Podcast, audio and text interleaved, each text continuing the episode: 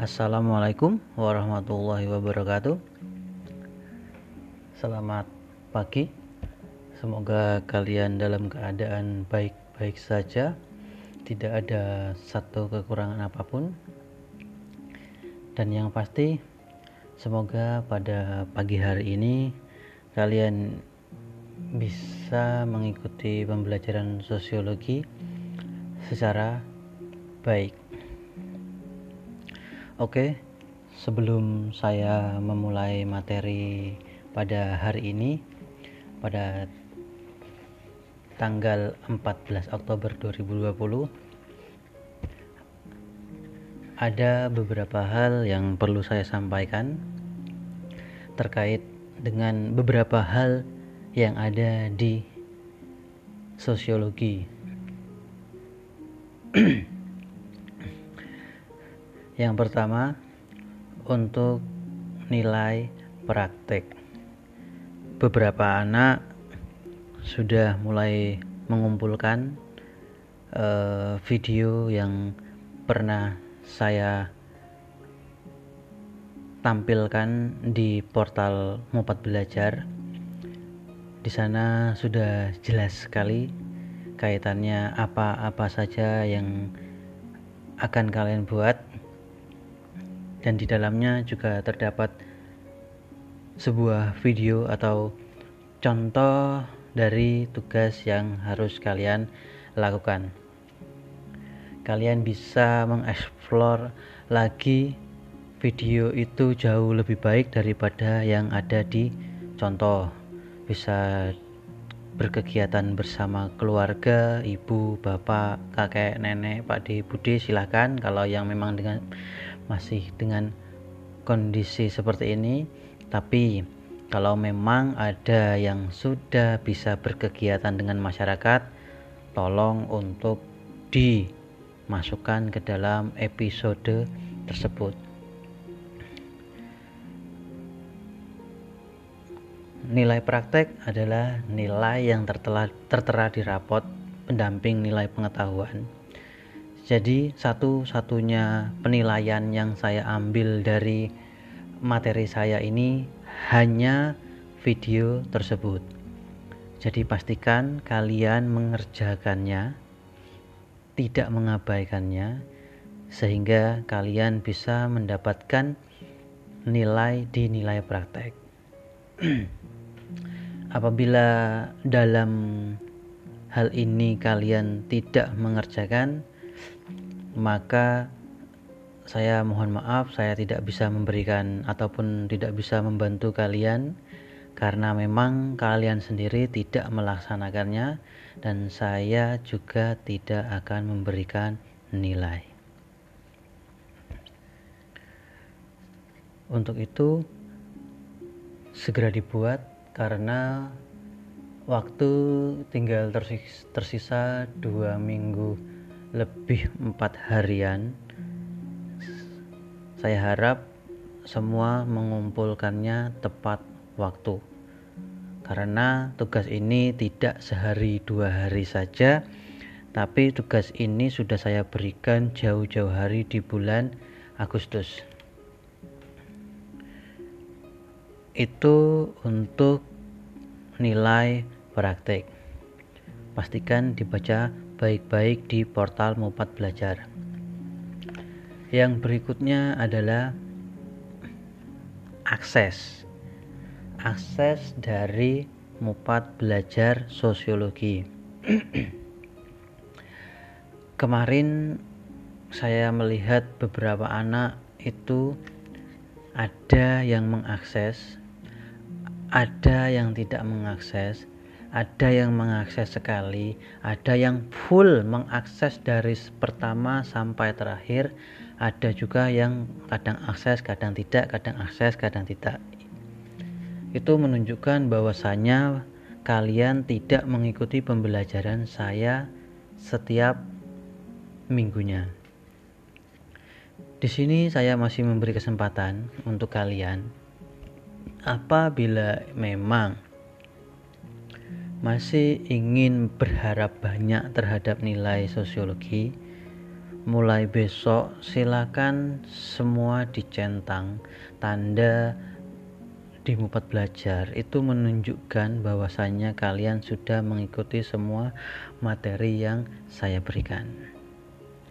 Karena memang saya sudah menunggu waktu 10 minggu ini untuk mengecek ternyata memang kalian tidak disiplin tapi ada banyak juga anak-anak yang disiplin dan itu akan saya berikan penilaian lebih terkait dengan kedisiplinan yang ia terapkan sendiri karena memang pada dasarnya kedisiplinan cukup penting di sosiologi karena erat kaitannya dengan masyarakat. Kalian tidak bisa seenaknya saja, seenaknya saja berada di masyarakat tanpa ada kedisiplinan. Yang berikutnya adalah semesteran semesteran kira-kira ataupun kurang lebih akan dimulai pada tanggal 26 November November pastikan kalian sudah mulai belajar mengakses buku paket dari sekolahan ataupun yang sudah kalian beli dari sekolahan lalu mengakses uh, materi di empat belajar sosiologi ataupun di podcast saya ini sudah dua minggu ini berjalan. Semoga kalian sudah mendengarkan sampai akhir karena selesainya materi bab 2 ini akan ada latihan yang saya sisipkan di podcast ini. Tidak akan saya tulis di Mupat Belajar tujuannya agar apa? Ya tujuannya agar kalian mendengarkan ini dari awal sampai akhir. Yang berikutnya saya juga masih memberikan kesempatan kepada kalian yang belum pernah mengerjakan ikut ulangan dan akhirnya remedi saya masih membuka pintu itu lebar-lebar terkait dengan hal itu ataupun kewajiban kalian sebagai siswa. Jadi silakan dikerjakan dikirimkan saja melalui WhatsApp saya. Sudah tertera di poster yang ada di Mubat Pacar sudah ada silahkan di WhatsApp. Saya masih membuka ataupun masih bersedia menerima tugas dari kalian. Tapi ada tapinya. Dengan catatan itu tidak akan sama dengan teman-teman yang sudah disiplin tepat waktu mengerjakan di hari dan di jam yang sudah ditentukan. Oke, mungkin itu informasi yang bisa saya berikan untuk pertemuan uh, kedua di bab 2 ini. Jadi, segera berpikir ulang untuk tidak mengerjakan tanggung jawab kalian sebagai siswa untuk memenuhi mata pelajaran sosiologi.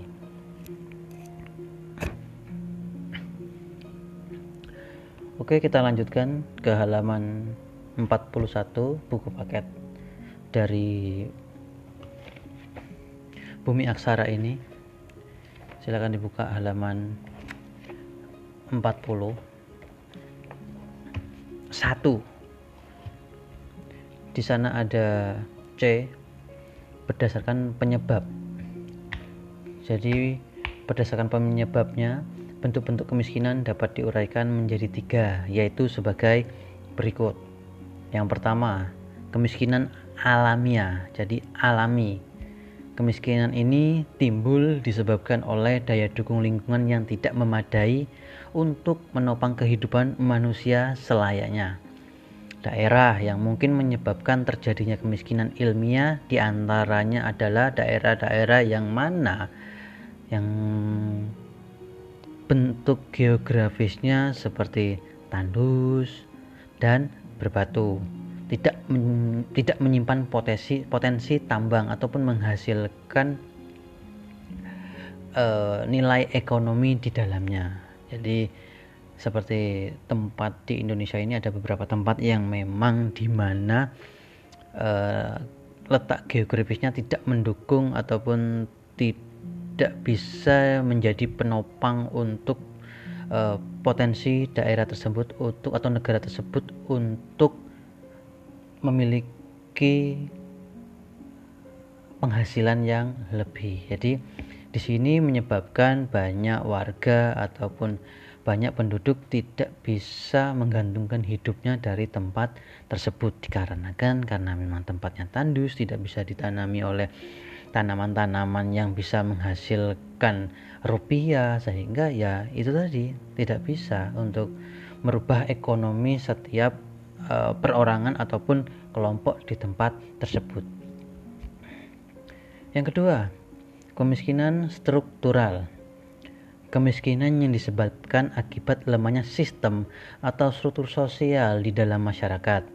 Masyarakat miskin seolah-olah dibuat tidak berdaya akibat adanya pola kebijakan dan aturan di dalam pemerintah selaku penguasa yang dianggap cenderung tidak berpihak apalagi untuk memperhatikan kondisi masyarakat miskin agar dapat lebih mandiri dan berdaya.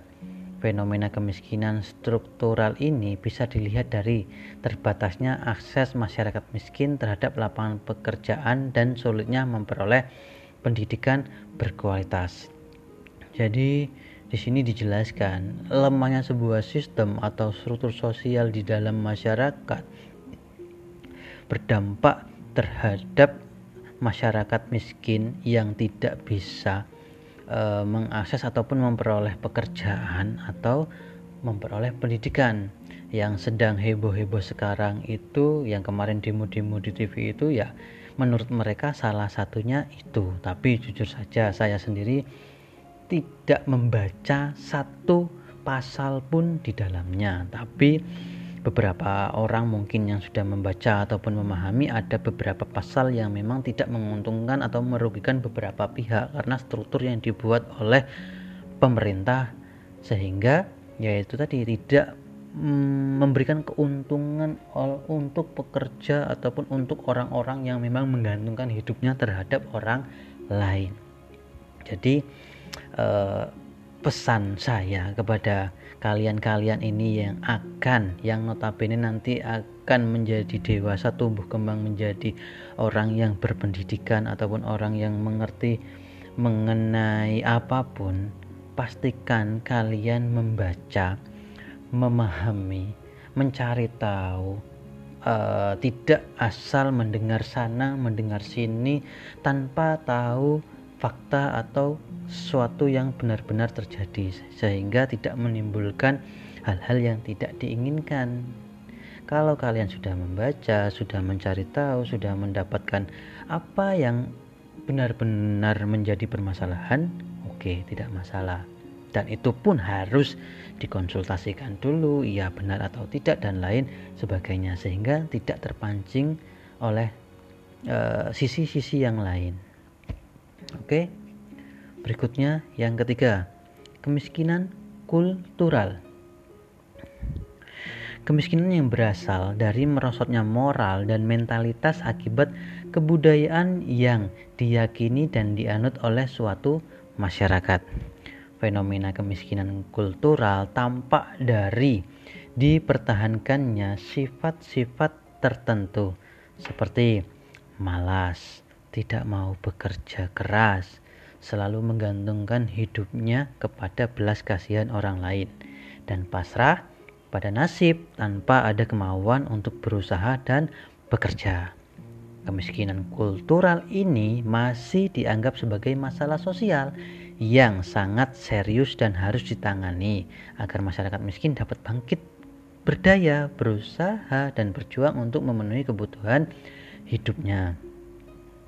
Coba kalian lihat gambar di samping uh, kemiskinan kultural. Ada sebu seorang ibu-ibu uh, menggunakan kebaya dan jari kalau tidak salah itu karena memang gambarnya hitam putih menggunakan tutup kepala dan sebuah tongkat sedang duduk di emperan. Di emperan itu menurut keterangan gambar 2.8 Maraknya pengemis menunjukkan sifat malas sebagai salah satu aspek kemiskinan kultural. Kalian boleh lihat di Google cari saja tempat eh, apa namanya orang-orang yang pekerjaannya menjadi seorang pengemis. Kalian nanti akan diarahkan ke YouTube ataupun ke beberapa foto di mana mengemis itu sebuah pekerjaan yang didapatkan untuk memenuhi kebutuhan hidup sehari-hari. Pernah ada waktu itu di stasiun televisi itu kalau tidak salah di SCTV pernah membahas tentang uh, pengemis uh, di ibu di ibu kota Jakarta di mana orang-orang yang datang dari luar daerah ke Jakarta itu bisa menggantungkan hidupnya secara penuh dengan mengemis dan dan yang mengejutkan rumah-rumah yang ia punya ataupun apa yang ia hasilkan dari itu melebihi ekspektasi dari orang-orang yang melihat pekerjaan beliau seperti mengemis. Kadang mengemis juga menjadi sebuah uh, permasalahan sosial yang sudah memang membudaya memang ada. Di setiap kota besar itu biasanya akan ada. Uh, kalau kalian pernah lihat di Lempuyangan.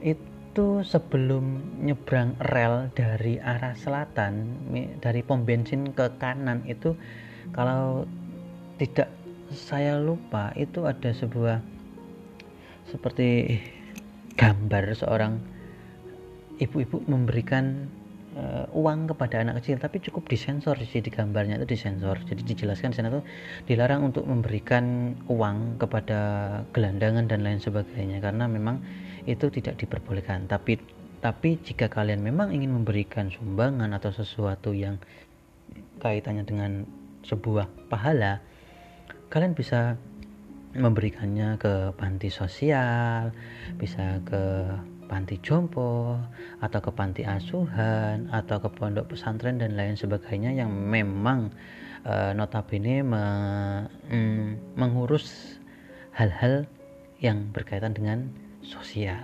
Jadi tapi kalau memang e, kalian bertemu dan saat itu kalian iba ya monggo saja itu kembali ke pribadi kalian masing-masing.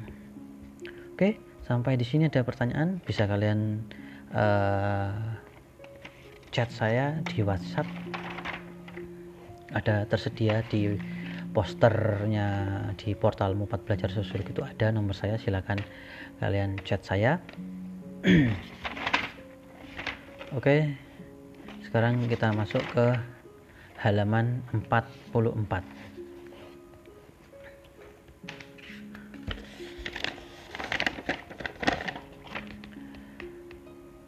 Halaman 44 di bawah tabel itu ada tulisan seperti ini.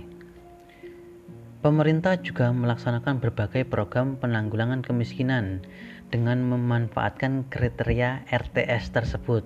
Program-program tersebut antara lain sebagai berikut. Saya tidak akan menjelaskan ini terlalu mendetail, tapi kalian bisa melihat ini bahwasannya pemerintah itu tidak diam saja tidak apa ya tidak memperhatikan orang-orang yang dari keluarga kurang mampu. Jadi kita akan cocokkan dengan beberapa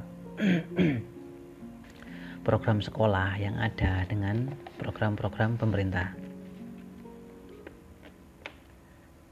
Yang pertama PKH PKH kalian bisa juga mengaksesnya itu di website Depsos.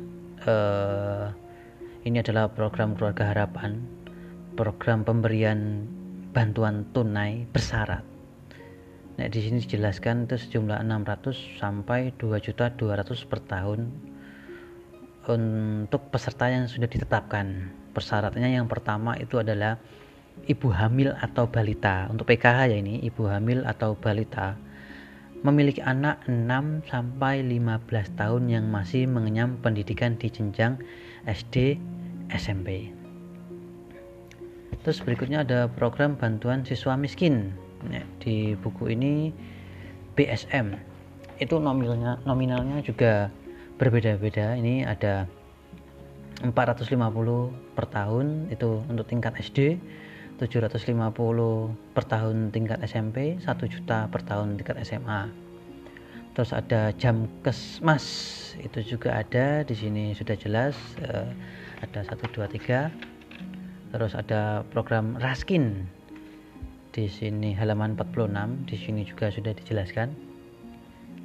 Terus ini yang sering mungkin kalian lihat ini PNPM mandiri sama PKH kalau yang uh, lainnya sih ada tapi sepertinya tidak bisa dilihat seperti PKH atau PNPM. Kalau PNPM ini jadi program nasional pemberdayaan masyarakat. Nanti ini diberikan apa namanya bantuan dari pemerintah. Ini yang pertama untuk apa namanya pengembangan masyarakat, bantuan langsung masyarakat, peningkatan kapasitas pemerintah dan perilaku oh pelaku normal serta bantuan pengelolaan dan pengembangan program uh, dan program kredit usaha rakyat. Ini kalau kalian sering lihat di desa-desa, ini kadang biasanya pemberiannya itu diberikan ke desa dan nanti membangun jalan apa seperti dicor nanti akan terlihat logo-logo PNPM Mandiri ini. Saya pernah lihat juga ini. Terus KPS kartu perlindungan ini juga ada juga dari pemerintah. Tapi uh, di sekolahan pun sekolah juga memberikan beberapa bantuan-bantuan yang memang uh, dikhususkan untuk siswa. Uh, saya ambilkan contoh. Biasanya untuk bantuan-bantuan ini itu akan lebih apa namanya jelasnya itu ditanyakan ke guru BK-nya masing-masing kalau kelas 1 itu Bu Rifka untuk kelas 2 itu Pak Hidayat Kurniawan sedangkan untuk kelas 3 itu Pak David. Jadi eh, kalian bisa menanyakan langsung kaitannya dengan eh, beasiswa yang ada di SMA Muhammadiyah 4 itu apa saja? Eh, yang mana yang kalian bisa ikuti ataupun syaratnya apa saja itu bisa ditanyakan langsung ke BK karena nek saya menjelaskannya di sini itu takutnya kurang tepat. Karena memang saya tidak begitu menguasai tentang beasiswa-beasiswa yang ada di sekolah ini. Tapi uh, ada satu beasiswa yang ya bahasanya tuh bukan beasiswa ya bantuan lah dari pemerintah pusat yang itu jelas kalian mendapatkannya. Dan itu setiap tahun ada dan nominalnya pasti. Jadi itu juga akan disampaikan melalui wali kelas biasanya. Itu tunggu saja. Ya tidak akan lama lagi. Itu akan diinfokan oleh sekolahan. Jadi apa yang saya maksud terakhir ini nanti juga ini bantuan yang pasti buat kalian semuanya. Tidak terkecuali tapi untuk beasiswa-beasiswa program dari sekolahan tidak semua akan mendapatkan karena memang syaratnya juga beda-beda dan ini biasanya diperuntukkan e, untuk orang-orang yang memang memenuhi syarat atau kualifikasi yang sesuai. Jadi jika kalian ingin menanyakan itu silakan ke BK kalian masing-masing. Oke, itu saja infonya untuk kaitannya bantuan-bantuan dari sekolah. Dan ini ada beberapa bantuan dari pemerintah tadi. Oke, kita masuk ke halaman 50. Eh, kriminalitas. Ini juga bagian daripada kehidupan kita sebagai individu maupun kelompok. Ini juga suatu masalah sosial atau kriminalitas. Di sini dijelaskan kriminalitas itu suatu perilaku menyimpang. Namun perilaku menyimpang tidak serta-merta tergolong kriminalitas. Ya, betul. Contohnya, memakai sandal yang sudah sudah usang ke acara suatu pernikahan ya gunake sendal jepit lah itu adalah suatu perilaku menyimpang, tapi jelas bukan kriminal. Ya sebenarnya sah-sah saja seseorang untuk datang ke sebuah pernikahan mau menggunakan sendal apa, mau menggunakan jepit, mau nyeker, mau apa, tapi secara sosial itu tidak tepat. Jadi uh, dulu saya pernah uh, melihat seorang yang datang ke acara pernikahan itu datang menggunakan baju piyama tidur. Bukan baju piyama yang lagi ngehit saat ini tapi baju piyama ya baju piyama untuk tidur ya. Monokromo atau apa saya lupa. Waktu itu warnanya sih uh, hijau tapi ya piyama.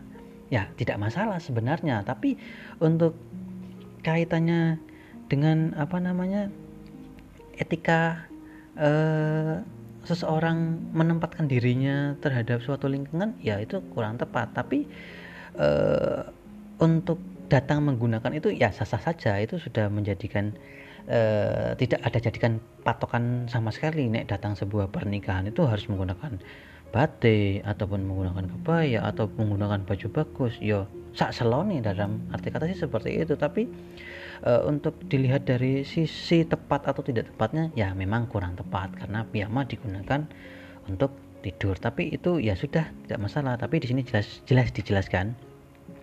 Ya tadi memakai sandal yang usang ke acara suatu ini di sini jelaskan acara resmi atau uh, atau menarik diri dari pegangan adalah perilaku menyimpang tapi jelas bukan kriminalitas Suatu perilaku menyimpang hanya dapat dikategorikan sebagai kriminalitas jika melanggar sebuah hukum, maling, atau mencuri hak orang lain. Itu jelas sebuah kriminalitas. Itu terkait dengan hukum.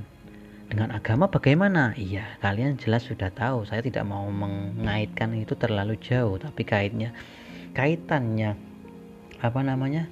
Uh, sesuatu yang merugikan orang lain, tidak memberikan haknya kepada orang lain secara undang-undang, itu jelas melanggar sebuah hukum, apalagi di dalamnya sudah jelas aturannya.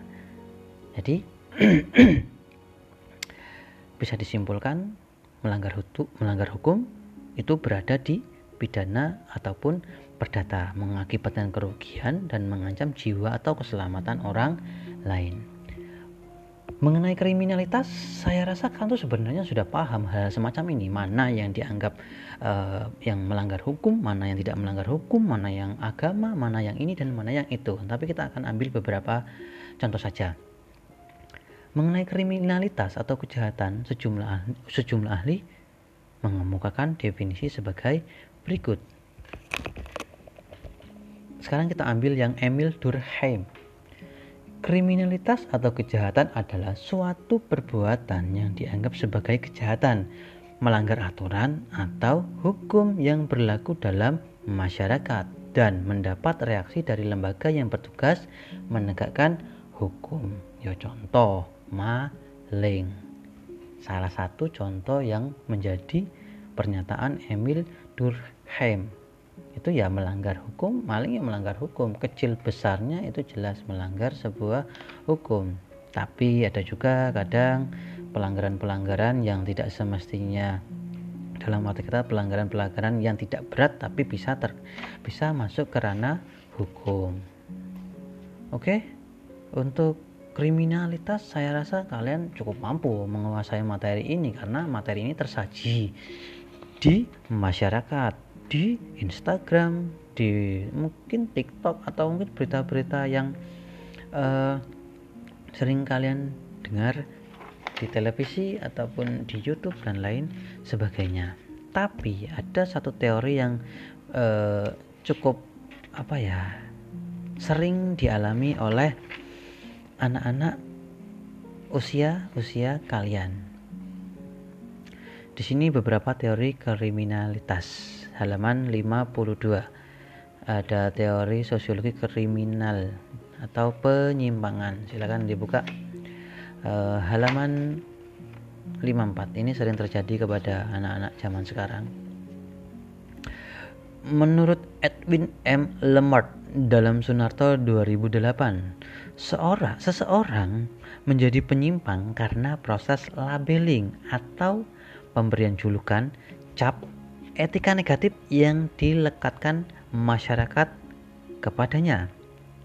Mula-mula, seseorang melakukan penyimpangan yang oleh Lamert disebut penyimpangan primer, akibatnya orang lain lantas memberikan berbagai cap negatif. Sebagai tanggapan pada cap tersebut, maka pelaku penyimpangan kemudian mendefinisikan dirinya sebagai penyimpang dan melakukan penyimpangan sekunder. Lambat laun, ia pun mulai menganut suatu gaya hidup yang menyimpang. Sebagai contoh, seorang anak mula-mula hanya mencuri sepotong roti dari lemari penyimpanan makanan di rumahnya. Namun, setiap kali ada sesuatu yang hilang, seluruh anggota keluarga selalu menujunya, menuduhnya sebagai perilaku. Lambat laun, ia akan berpikir bahwa tidak mencuri pun ia dituduh pencuri. Jadi lebih baik ia mencuri saja karena ia terlanjur dicap sebagai pencuri. Lama-kelamaan ia terbiasa melakukan pencurian. Satu hal yang tidak banyak diper, diperbincangkan terkait teori labeling adalah sebagai orang yang berhasil menentang cap, ne cap negatif yang diletakkan oleh masyarakat, sehingga meskipun penyimpangan mereka tetap menganggap dirinya tidak bersalah. pada intinya teori pada intinya teori ini menjelaskan bahwasanya orang yang tadinya dianggap tidak melakukan sesuatu, tapi karena ada sebuah tuduhan terhadap dirinya, akhirnya ia melakukannya saja. Karena melakukan tidak melakukan juga akan mendapat julukan yang sama. Sehingga orang tersebut lebih baik melakukan. Karena yo tidak melakukan pun dianggap melakukan.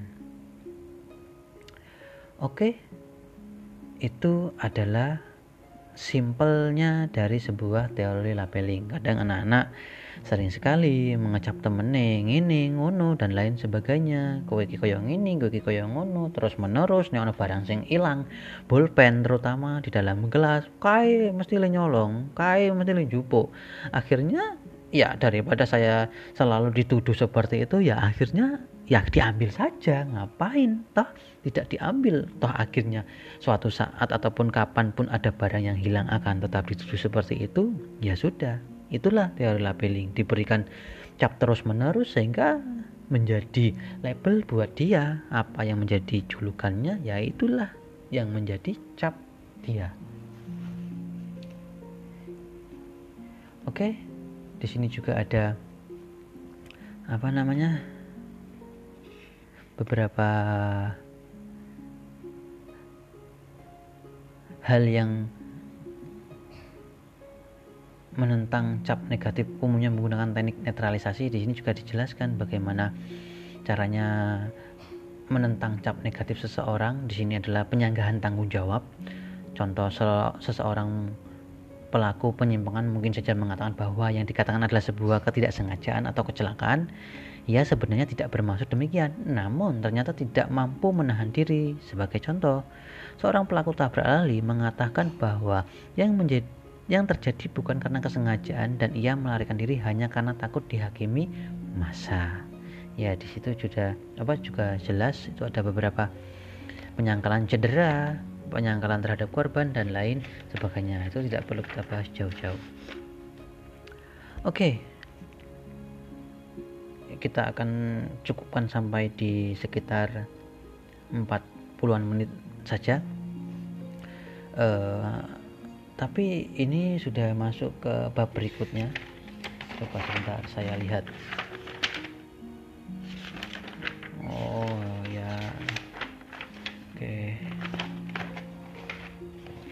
Oke sepertinya kita akan selesaikan sedikit lagi sampai di halaman 60 di halaman 56 sebenarnya ini juga banyak sih. Tapi kita akan ambil intinya saja yang sering keluar di uh, materi apa di ujian semesteran. Yang kedua itu halaman 56 dua bentuk-bentuk kriminalitas. Di sini ada banyak. Ada satu dua tiga empat lima enam. Enam. Ya bentuk-bentuk kriminalitas. Tapi kita akan bahas yang cukup sering terjadi Leak Killer and Calhoun dalam Sunarto 2008 menjelaskan bahwa terdapat beberapa tipe kriminalitas atau kejahatan. Adapun tipe-tipe kejahatan tersebut adalah yang pertama kejahatan tanpa korban. Merupakan suatu bentuk kejahatan yang menjadikan pelaku sebagai korban tindakannya sendiri. Jadi melakukan sebuah kejahatan tapi korbannya adalah dirinya sendiri. Ini dicontohkan adalah berjudi dan penyalahgunaan narkoba. Ya itu sebuah kejahatan, tapi korbannya ya dia sendiri. Ya baik sadar atau tidak sadar orang yang melakukan kegiatan seperti itu yaitu sebuah bentuk kejahatan dan penjahatnya dalam arti katanya itu ya dirinya sendiri. Itu adalah kejahatan tanpa korban. Yang korbannya dia sendiri. Yang kedua kejahatan terorganisasi merupakan suatu bentuk kejahatan secara berkelompok dan berkesinambungan serta memiliki jaringan untuk memperoleh uang atau kekuasaan dengan jalan melanggar hukum. Di sini adalah contohnya penjualan barang hasil kejahatan dan perjudian gelap. Ya kalian kalau nonton film-film uh, gangster-gangster ataupun berita-berita terkait uh, narkoba terus ganja dan lain sebagainya itu jelas semua sudah terorganisir dengan baik.